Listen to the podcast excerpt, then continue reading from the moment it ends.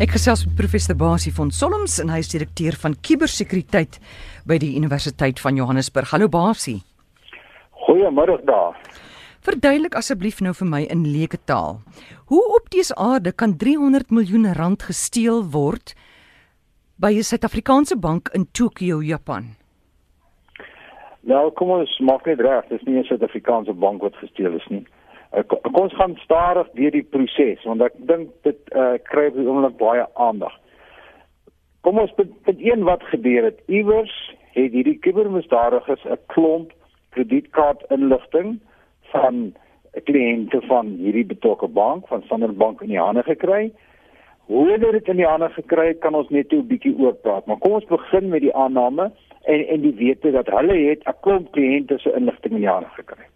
Wat hulle toe gaan doen het en hierdie ek moet sê hierdie is 'n slim klomp mense. Ek ek gee hulle krediet. Hulle het klomp navorsing gedoen. Toe gaan soek hulle 'n land waar die die ATM tegnologie, die outomatiese televisie tegnologie redelik verouderd is. Waar waar hulle nog glad nie gebruik maak van ons gesofistikeerde uh, skyfie en pin benadering wat ons op ons kredietkaarte en ons ATM kaarte kry nie. Hulle gaan soek 'n land waar jy nog net van die ou magneetkaart gebruik maak op die kredietkaart of op die ATM kaart wat ons jare gelede al in Suid-Afrika half afgeskryf het. Toe identifiseer hulle hierdie plek in in in Japan. Hulle identifiseer toe 'n spesifieke bank in Japan. In in die bank se naam is toevallig Seven Bank. En hierdie bank Seven het 'n massiewe klomp 'n kleinhandel winkeltjies, die 7-Eleven wat mm. baie van ons mee te doen gekry het al. En elke een van hierdie 7-Eleven winkeltjies is daar 'n ATM van hierdie betrokke bank, van die 7 bank. Onthou nou, hou dit in gedagte. Ja. Toe gaan hierdie slim klomp nou en hulle vat nou hierdie data wat hulle in die hande gekry het, waaroor ons nou nog van gesels hoe hulle kon gekry. En hulle gaan maak net eenvoudig duplikaatkaarte daarvan. Dis maklik. Dit dit is geen uh, uh wetenskap fiksie om dit te maak nie. Jy maak die kaart, jy jy skryf die inligting op die op die kredietkaart. Toe gaan kry hulle 100 of 150 myle ouens wat nou of deel van die syndikaat was of net eenvoudig betaal is. Hulle gee vir elkeen van hulle so 'n kredietkaart met die pinnommer wat hulle nou het. En hulle sê vir hierdie kompeties, gaan versprei julle nou tussen hierdie ATM'e dwars deur Japan by hierdie uh 7-Eleven winkels. En dan op 'n sekere tydstip, uh dan gaan julle en julle trek geld. En dan moenie te veel trek nie, trek net sodat dit onder die daaglikse limiet van 'n gewone kredietkaart houer bly. En dis wat hulle gedoen het. So skielik tussen in daai 3 ure waarna dit plaasgevind het, is hier nou 100 of 150 mense wat rustig hmm. een een ou mag een kaart gehad het, een ou mag meer as een kaart gehad het, gaan hulle na die ATM toe, sit die inligting in, kry die geld, uh, vat 'n tweede kaart, sit dit in, kry die geld en so word dit dwars deur Japan by al die 7-Elevens gedoen. Maklik, geen probleem nie. En en dis hoe hulle die so kom geld so vinnig kon verkry. So die die die die ding was baie slim beplan. Daar was daar was ook niks tegnologies vreeslik uh kompleks aan die stelsel. Nie ons in Suid-Afrika en as ons kyk dit kan ons net hoe vinnig verwys na 'n geval in Suid-Afrika wat wat dieselfde tegniek gebruik het. Maar hierdie myle hierdie geld getrek, dis hulle natuurlik vinnig uit die land uit met hierdie geld. En hierdie hierdie ATM stelsel van hierdie Seven Bank was dit een van die baie min waar jy wel met 'n buitelandse uh kredietkaart of ATM geld kon geld trek. So dis wat gebeur het. Snaaks, niks snaaks daarin nie. Mm. Vraag is Hoekom het daai bank, daai Seven Bank nie opgetel in hulle moniteringstelsel dat hier nou so kom transaksies plaasvind nie? En dit is 'n groot vraagteken. Dis vir my, ek dink vir almal 'n baie baie groot vraagteken. Daai bank mm. se rekenaarstelsels is dus ook nie so gesofistikeerd om dit te kan optel nie. Ek gee jou 'n boek dat as so iets in Suid-Afrika sou gebeur het, sou ons banke wat baie meer op die bol is, se moniteringstelsels so onmiddellik gekyk, gesien het. Hier kom transaksies in binne 'n kort tyd en almal van dieselfde bank en almal trek geld hier net onder die uh, onder die maksimum limiet en hulle sou die transaksies gestop het. Goed, die volgende nou, vraag natuurlik nou hmm. is waar kry hulle die data vandaan? Da nog nie 'n antwoord. Daar's 'n paar moontlikhede. Party ouens beweer hulle het dit met skandeerders gedoen waar hulle in Suid-Afrika gebruikers uh, kliënte se kaarte ge, geskandeer het. Ek ek glo nie daai een is te kompleks, dis te moeilik. Hierdie uh, syndikaat is te slim daarvoor. Die ander opsie is dat hulle in die bank se uh, rekenaar database ek kon ingekraak het. Ek glo dit nie ons banke se sekuriteit is baie goed in hierdie land. Ek kan nie dink dat daar mm. in die selfs ingekraak is nie. Ander moontlikhede is dat dat dit 'n binne samespannings uh, aangeleentheid is mm. dat iemand binne die bank die inligting of miskien 'n werknemer of wat ook al, die inligting toegang gehad het en dit verkoop het aan die kubermisdadigers. Dit sal ons nog sien. Maar feit 1, hulle het die geld of die inligting in die hande gekry om nou, hulle hoef nie die fisiese kaarte in die hande te gekry nie. Hulle hoef nie die data oor die kliënt, die, die kaartnommer, mm. die CCV nommer, daai goed wat ons gehad het. Nie is die CCV nommer nie was nie 'n aanlyn transaksie nie. Hulle kon dit elektronies in die hande gekry het Daai data is heel waarskynlik na 'n ander land toe iewers in die ooste waar die kaarte gemaak is. Dis miskien daarvoor teruggevat Japan toe, op 'n of ander manier of selfs in Japan gemaak, versprei onder die myle, die myle het die geld getrek en daar sit ons. Goed, hulle het besluit ook op 'n land waar daar nie hoë korrupsie is nie, Japan, né? Ja.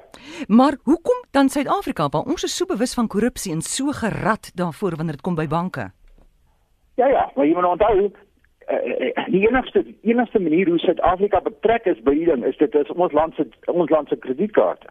Hierdie en daar kom enige ander plek dit geld gesien. Toevallig het hulle miskien hier 'n op, opportunistiese geleentheid ah. gesien van iemand wat hulle gesê het hoe die hierse klomp data oor oor oor Sanderbank se kredietkaarte wat ons aan julle sou verkoop. Ons weet nie. Uh, dit is Suid-Afrika staan eintlik uit hierdie ding uit.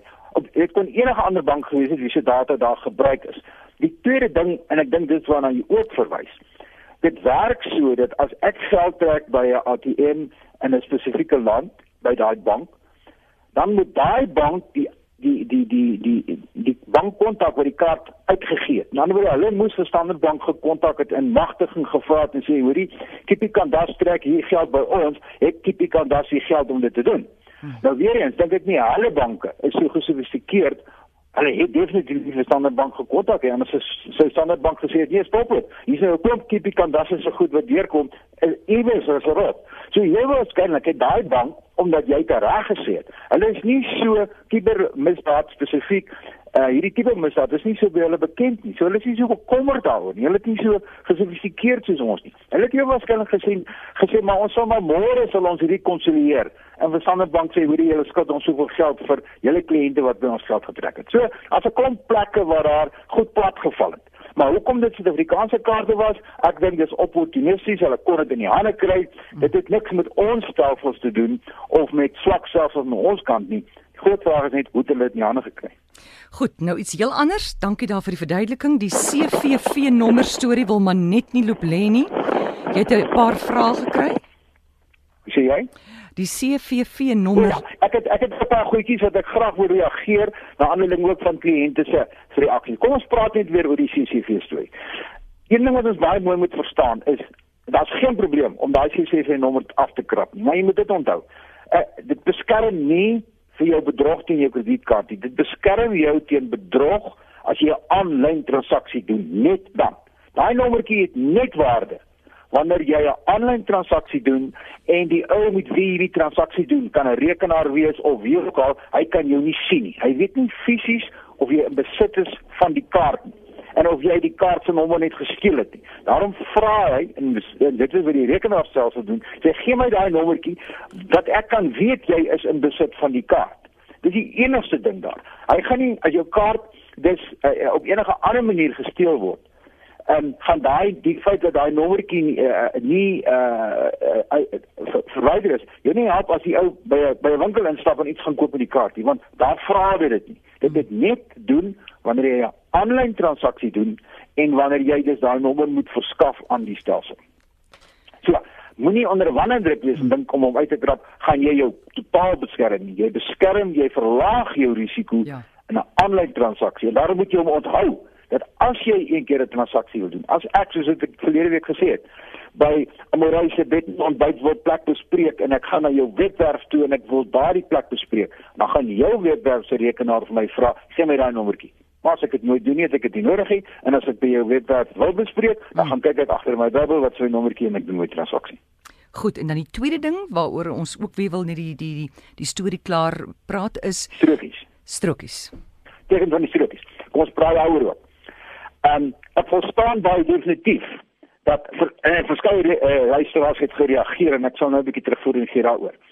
Ehm um, en wat wat my baie baie goed is, baie baie baie goed is al meer en meer luisteraars kom terug en sê hulle vra nou die strokie. En hulle kyk wat staan op die strokie of die kredietkaartnommer en die vervaldatum en dan en verskeie luisteraars sê vir my hulle het nou al klaar weer in gesprekke gegaan met die handelaar want hulle het gekyk na die handelaar se strokie en daar staan hulle volle kredietkaartnommer en die volle ver, ver, ver, vervaldatum en dan moet hulle hom nog teken op. Ja. Dan nou nou skielik het hierdie ou al drie die inligting waaroor ons in die eerste gesprek gepraat het. En dit is vir my bewustheid dat dat ons deur hierdie gesprekke bewustheid skep dat ouens nou begin vra, hoekom is dit? Maar is 'n geval van van meneer Jan Geldenhuys, dink ek wat 'n uitstekende geval is. Hy sê hy het nou al 3 jaar lank in die spook met een van ons groot kettingwinkels oor presies hierdie saak. Hoekom moet hy daai ding teken? En hy sê hy het later begin met 'n makruisie te maak en later het hy begin prentjies teken en later het hy vir Popeye geteken met 'n pyp wat daar was en die teller val het en hy sit hom en hy sê in 3 jaar se tyd het hy nog nooit vir hom enigiets geweier nie. Niemand aan almal, weet, elke slag het hy 'n ander tekentjie of 'n prentjie daar. So, die die die die boodskap vir ons vir ons luisteraars is, jy hoef hom nie te teken nie. En as die bank vir jou kan nie jou kry niets waar ek kry nie, maak 'n kruisie of teken 'n prentjie wat ek al gee aan hulle. Hulle het dit nie nodig nie. Daai daai arme teller hier waarskynlik sê maar hy moet dit in sy in sy in sy uh, laai insit. Gee dit vir hom tekeningsfase. Maar dit is nie verpligtend nie. Hoef nie te wees nie met die beste banke gebeur dit nie. Maar jy moet ook onthou dat in een luisteraar het verskrik gesê. Hy het gekyk op die handelaar se strokie. Daar het sy vervaldatum gestaan, sy volle kredietkaartnommer en hy moes hom teken. Nou as jou handtekening leesbaar is, dan het hy ou die drie dinge. Hy het jou naam, hy het jou vervaldatum, hy het jou kredietkaartnommer.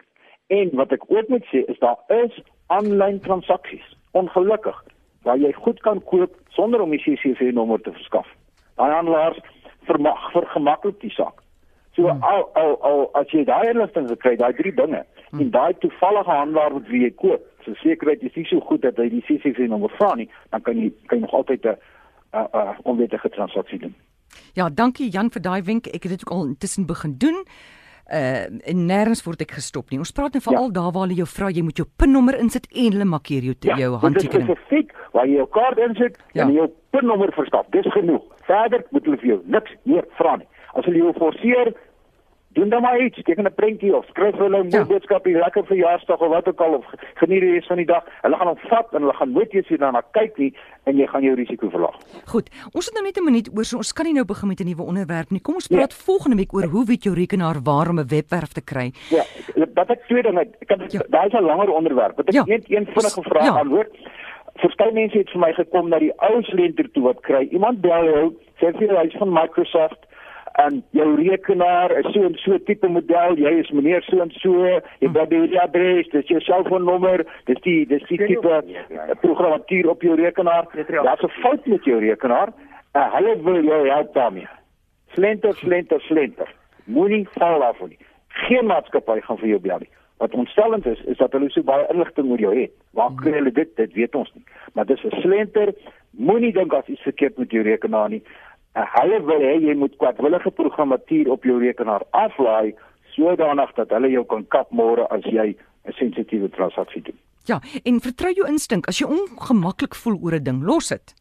Absoluut. En veral as jy ou met jou praat met so 'n snaakse uh, buitelandse aksent en en en wat ook al, jy weet baie ouens uh, maak nou al 'n grap daarvan. Hulle hmm. probeer hierdie ou so, ah, as moontlik in die gang hou dat hy sy tyd mors hmm. met die telefoon oproep wat jy wat jy met praat maar eintlik speel 'n mens bietjie met vuur. So so gou as moontlik as jy soos jy sê, as jy ou snaaks praat en hy sê vir jou iets van 'n maatskappy en jou rekenaar is fout, skakel asseblief jou rekenaar aan en so. Sê vir hom uh, jy weet ons het, ons krag is af hierso, ons het weerkrag, my rekenaar kan nie werk nie. Ongelukkig kan ek jou nie help nie tot sins en met my nie bel. Man basie as mense vir my vra, hoe gaan dit en hulle ken my nie eers nie.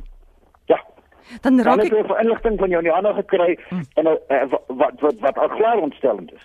Ja, ek hoor. Dit wys net vir jou hoe baie van ons inligting uh lê die wêreld vol. Jy weet ek het al hoeveel keer vir ons gesê, gaan Google net jou eie naam. en gaan kyk hoeveel webwerwe kom op wat inligting oor jou het, oor jou telefoonnommer en wat ook al wat ook al. Nou as ons later oor Facebook begin gesels, kan ek jou amper 'n boek gee. Ek kom van daai inligting wat hulle vir jou teruggee, hulle dan sogenaamd namens Microsoft bel, kry jy van jou eie Facebook profiel uh met die inligting wat jy self daar opgesit het. Ek hoor jou. Basie, ek groet jou. Lekker naweek. Ons praat weer.